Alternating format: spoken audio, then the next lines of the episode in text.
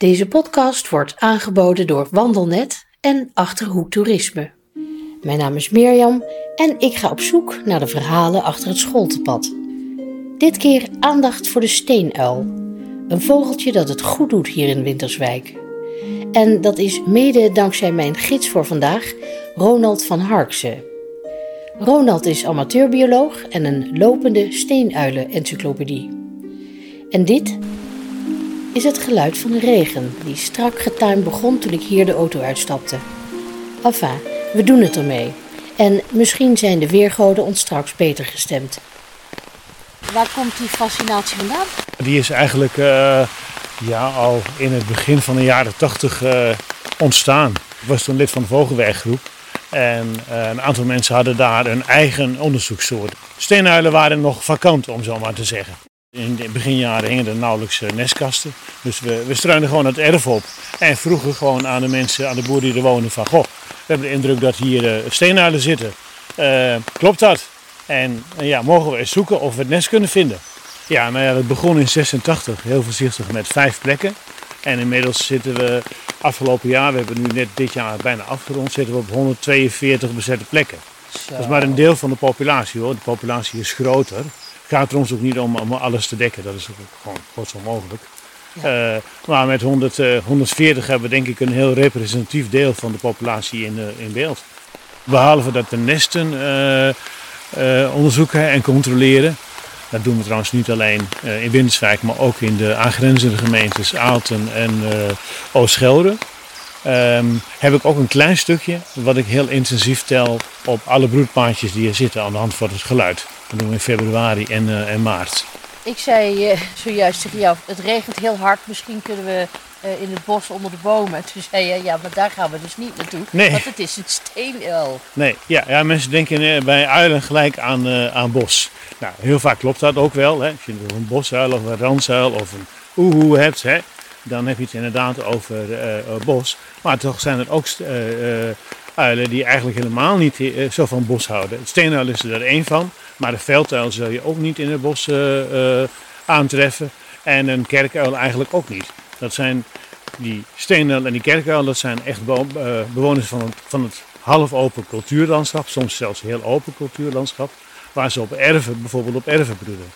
Die steenuil, hè, want dat is jouw fascinatie. Kan je me die eens een beetje beschrijven? Is dat een groot uiltje? Nee, het is een, het, is een klein, het is een klein uiltje. Als je hem zou opmeten, zou hij ongeveer de grootte van een, van een merel uh, hebben. Ja. Dus het is een heel klein uiltje eigenlijk. Ja? ja? Dus hoe ziet hij eruit? Nou ja, het is eigenlijk, zijn eigenlijk kan je zeggen, het zijn twee bolletjes op elkaar. Uh, bruin van kleur. Oké, okay, dus echt wel schutkleuren uiteraard. Niet een beetje met heel veel mooie kleur of een hele witte borst bijvoorbeeld zoals kerkuilen. Uh, maar desondanks zijn ze bij mensen ontzettend geliefd omdat ze in tegenstelling tot andere uilen uh, heel vaak ook overdag te zien zijn. Niet in de regen zoals nu, maar uh, als je een mooie uh, zonnige, zonnige dag hebt, een beetje windstil, dan zien ze ze heel vaak op een vaste plekje zitten op het erf. Waar jaag je? Wat ze het meeste vangen en wat de meeste energie oplevert, dat zijn muizen. Dan met name veldmuizen en, en bosmuizen. Ja, nou ja, en het aardige is dat we in dit gebied ook een beetje een indruk krijgen van uh, hoe zo'n populatie in elkaar zit en functioneert. Want uh, de plek waar we zoals eerste naartoe lopen, daar, uh, daar zit een, een vrouwtje. En die komt van een, een andere plek. Ja, we kunnen het net niet meer zien, maar je ziet boven de mais zie je een, een dak. Daarachter ligt nog een boerderij. En daar is het vrouwtje geboren waar we zometeen uh, naartoe, uh, naartoe lopen. Dus een afstand van 700 uh, meter. Dat jullie dat weten? Ja, dat komt omdat, we dus, ja, omdat ze gering zijn. Hè? Ja. Dus de oma van het beest waar we zo naartoe lopen, die oma die is geringd bij de buren. En dat, dat, dat, was nog wel een vrij dramatisch verhaal. Want de vorige vrouw, die is in 2017 is die gepakt door de steenmotter. Uh, terwijl ze al jongen had. Dus dat nest is ook uh, mislukt. Maar enkele dagen daarna meldde er zich alweer een nieuwe dame. Het mannetje bleef gewoon op de plek waar hij zat. Die liet weer zijn, uh, zijn balsroep, zijn territoriumroep horen. En dan meldde zich prompt een nieuwe vrouw. Nou, dat bleek het buurmeisje te zijn. 170 meter verderop. dat het jaar daarvoor geboren was.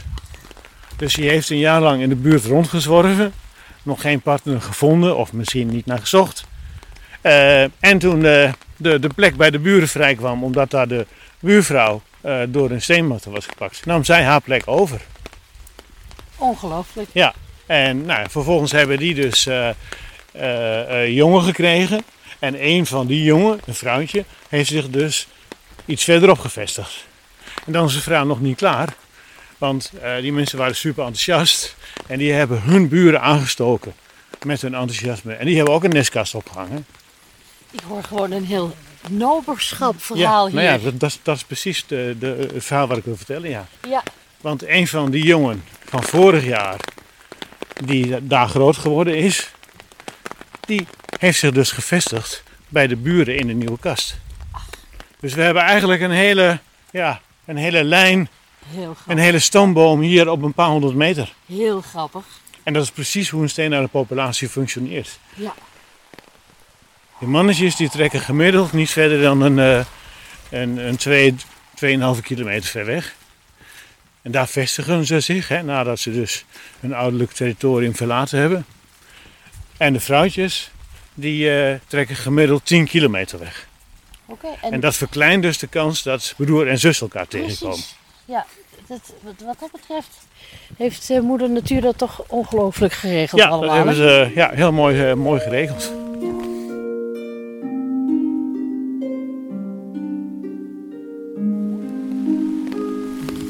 Zeg, en wij lopen hier nu eigenlijk eh, ja, kleddernat met een parapluutje. We lopen over een, een zandweg. Waar lopen we precies? Ja, we lopen nu in, eh, in Hengsel. Dus als je de, de wandelroute Ratum loopt, kom je ook over deze, dit stukje van de weg. Ja. En eh, ja, dan passeer je dus verschillende eh, plekken waar steenuilen broeden. En dan zie je wel, het is allemaal grasland. Ja. Hè? Een kleinschalig cultuurlandschap met bosjes, met, eh, met, met brede bermen, met eh, ja, eh, perceelsranden. En dat is precies het landschap dat steenuilen graag, eh, graag zien. Dus als een wandelaar hier in de buurt is en hij ziet zo'n... Eh, wat zeker aardig is om als je langs een erf loopt eh, en er staan vrijstaande schuurtjes, om dan toch eens op te letten of er bovenop niet ergens eh, twee bolletjes op elkaar zitten. En dan heb je een kans dat dat gewoon een steenuil is die zit, die zit de zonne bijvoorbeeld. Wat voor geluid maakt zo'n beestje? Nou, ze zijn ontzettend vocaal ingesteld. Ja? Ja, ja. Dat heb je wel vaker bij nachtbeesten natuurlijk, omdat die, dat is de enige manier voor, voor, voor partners om met elkaar eh, te communiceren. Hè, want ze zien elkaar natuurlijk eh, eh, eh, niet. Eh, dus ze zijn, hebben een heel scala aan, eh, aan geluiden. Ehm, tot, wel, tot wel 25 verschillende roepjes die allemaal weer een eigen, eh, eigen Betekenis eh, eh, hebben. En waarschijnlijk zijn er nog veel meer, maar horen wij de nuances niet die zij wel horen. Heb jij van die geluidjes? Ehm, ja, de roep die het meeste hoort, dat is wat, wat dan de balsroep of de territoriumroep heet. Dat is een roep die alleen door het mannetje voortgebracht wordt. En die klinkt dan ongeveer, even proberen.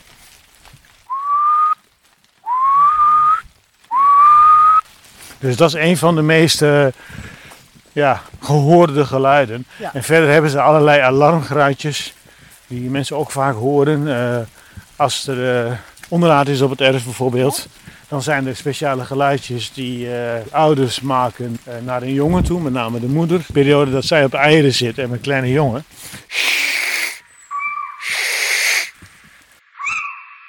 Visuele waarneming. Gebeurt het allemaal met je ogen of gebruiken jullie misschien ook eh, camera's? Nou ja, Zo'n camera kreeg je natuurlijk gewoon een geweldig beeld over ja, hoe het er van, van, vanaf het eerste ei tot en met het uitvliegen van de jongen aan, aan toe gaat.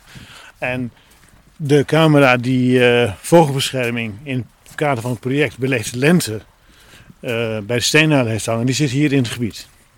Oké. En waar ik vertelde dat een steenmotor het, eh, het vrouwtje gepakt had, dat was op die plek. Dat weten we omdat daar die camera's op stonden. Ja. We zagen dat het mannetje geprobeerd heeft om die jongen in leven te houden. Maar die jongen die waren vijf dagen. Die moeten dus nog warm gehouden worden. Die eh, hebben nog maar net- een, eh, ja, een eerste donskleedje eh, een beetje afgelegd.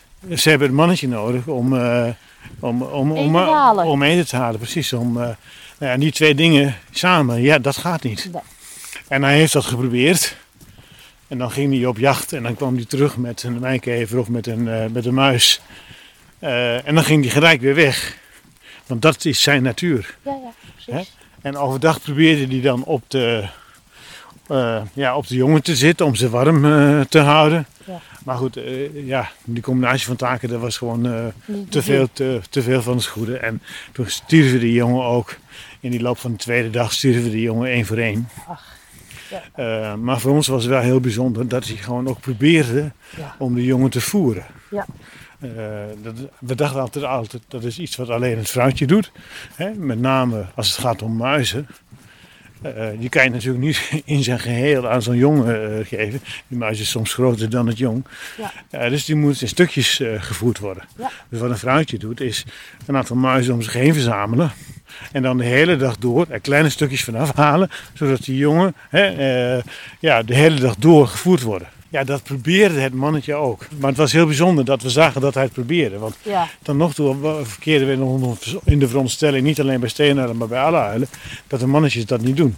ja, ja. Dat zijn niet, dat zijn niet eh, in muizenstukken schoren om te voeren. En hij probeerde het toch. Waarschijnlijk gedwongen door, eh, Ja, de door, de, omstandigheden. door de omstandigheden. Ja. En toen die jongen gestorven waren, ehm, toen heeft hij de zaak opgeruimd. Toen heeft hij die jongen één voor één eh, met zijn, eh, de nestkast uit, eh, uitgezeeld. Ja, ja. En, en buiten ergens, buiten zicht van de camera eh, gedropt. Dus eh, nou, en toen dat werkje klaar was, dat was echt heel bijzonder om te zien. Toen ging hij 's morgens in alle vroegte, ging hij buiten op de boomtak eh, eh, zitten. Roepen. Met zijn territoriumroep. Het geluid wat ik net liet eh, horen, zijn balstroep. I'm available. En, en ja, precies. En dezelfde dag meldde zich een, eh, een nieuw vrouwtje. Ja, ja. Ja, goed, dat, dat, dat, zie je, het dat weet je dus door. alleen maar omdat je, omdat je de camera's op hebt staan. Ja, precies. Oh, je zit helemaal onder de modder. Ja, het is hier ook eh, zo zompig inmiddels. Het beeld wat je, wat je schetst, zo'n overleden moeder en dan die vader die probeert al die taken te doen en dan uiteindelijk toch die kleintjes weg en dan gaat hij weer door met zijn leven, want hij moet, hij moet zich voortplanten. Ja. Het, doet me toch ook wel heel erg aan mensen denken hoor, dit verhaal. Nou ja, nee. Is, ja, goed, wij zouden misschien onze kinderen niet. eh, ehm, hè? Nou ja, maar wij, feitelijk, wij begraven ze. Feitelijk is dat hetzelfde wat hij ook doet. Hè? Ja. En eh, wij hebben er meestal wat meer, meer tijd tussen zitten voordat we aan een nieuwe relatie beginnen. En dat was wel heel erg snel. Ja. Eh, maar ja, weet je, hij probeert natuurlijk het seizoen nog te redden. Want dat is natuurlijk wat ze willen. Ze willen gewoon elk, elk jaar weer opnieuw jong op de wereld zetten. Ja. Dat is gewoon zo'n hele grote drijfveer. Als je dan heel snel een nieuwe vrouw hebt, ja dan, wie weet, lukt, lukt, het nog. lukt het eh, nog. In dit geval lukte het niet. Eh, de relatie was heel snel tot stand gekomen, maar, eh, en er werd ook al direct wel gepaard. Maar uiteindelijk hebben ze toch, heeft het vrouwtje geen eieren gelegd. Nee. En dat is ook eigenlijk wel kenmerkend voor steenuilen. Ze hebben maar één broedsel per jaar. En soms als een broedsel heel vroeg mislukt is, dan eh, met name dan in de eifase, als de eieren verloren zijn gegaan, dan, eh, dan wil een klein deel van de, van de vrouwtjes wil nog weer, wil weer eens opnieuw beginnen. Mhm. Maar dat is eigenlijk eerder de eh, uitzondering dan de regel. Ja, ja. Als wandelaars hier lopen op dit stuk van het Scholtenpad, waar moeten ze dan een beetje op letten? Willen ze die steenuiltjes zien? De meeste kans heb je bij, bij, bij boerderijen. En dan vooral daar waar allerlei schuurtjes op het erf staan. En dan zitten ze vaak, en dan moet je wel een beetje het weer eh, mee hebben. Midden op de dag heb je minder kans dan in de ochtend en in de avondschemering. Eh, ja, dan kijk je gewoon met je kijker eh, de schuurtjes af. Mhm. Met name de nok van de schuurtjes kijk je af. En dan, eh, ja, als je dan een steen had, ik zei al, van, het het is een klein rond bolletje met nog een rond bolletje erbovenop. Ja, dan heb je best wel kans eh, dat je dus de steenuilen eh, ziet. Ja. Je moet er wel even een beetje oog voor hebben. Je moet er eh, een beetje op letten. Ja. En eh, een beetje de plekjes ook weten. Maar dan heb je hier op het goede moment en het goede tijdstip heb je zeker kans eh steenuilen te zien.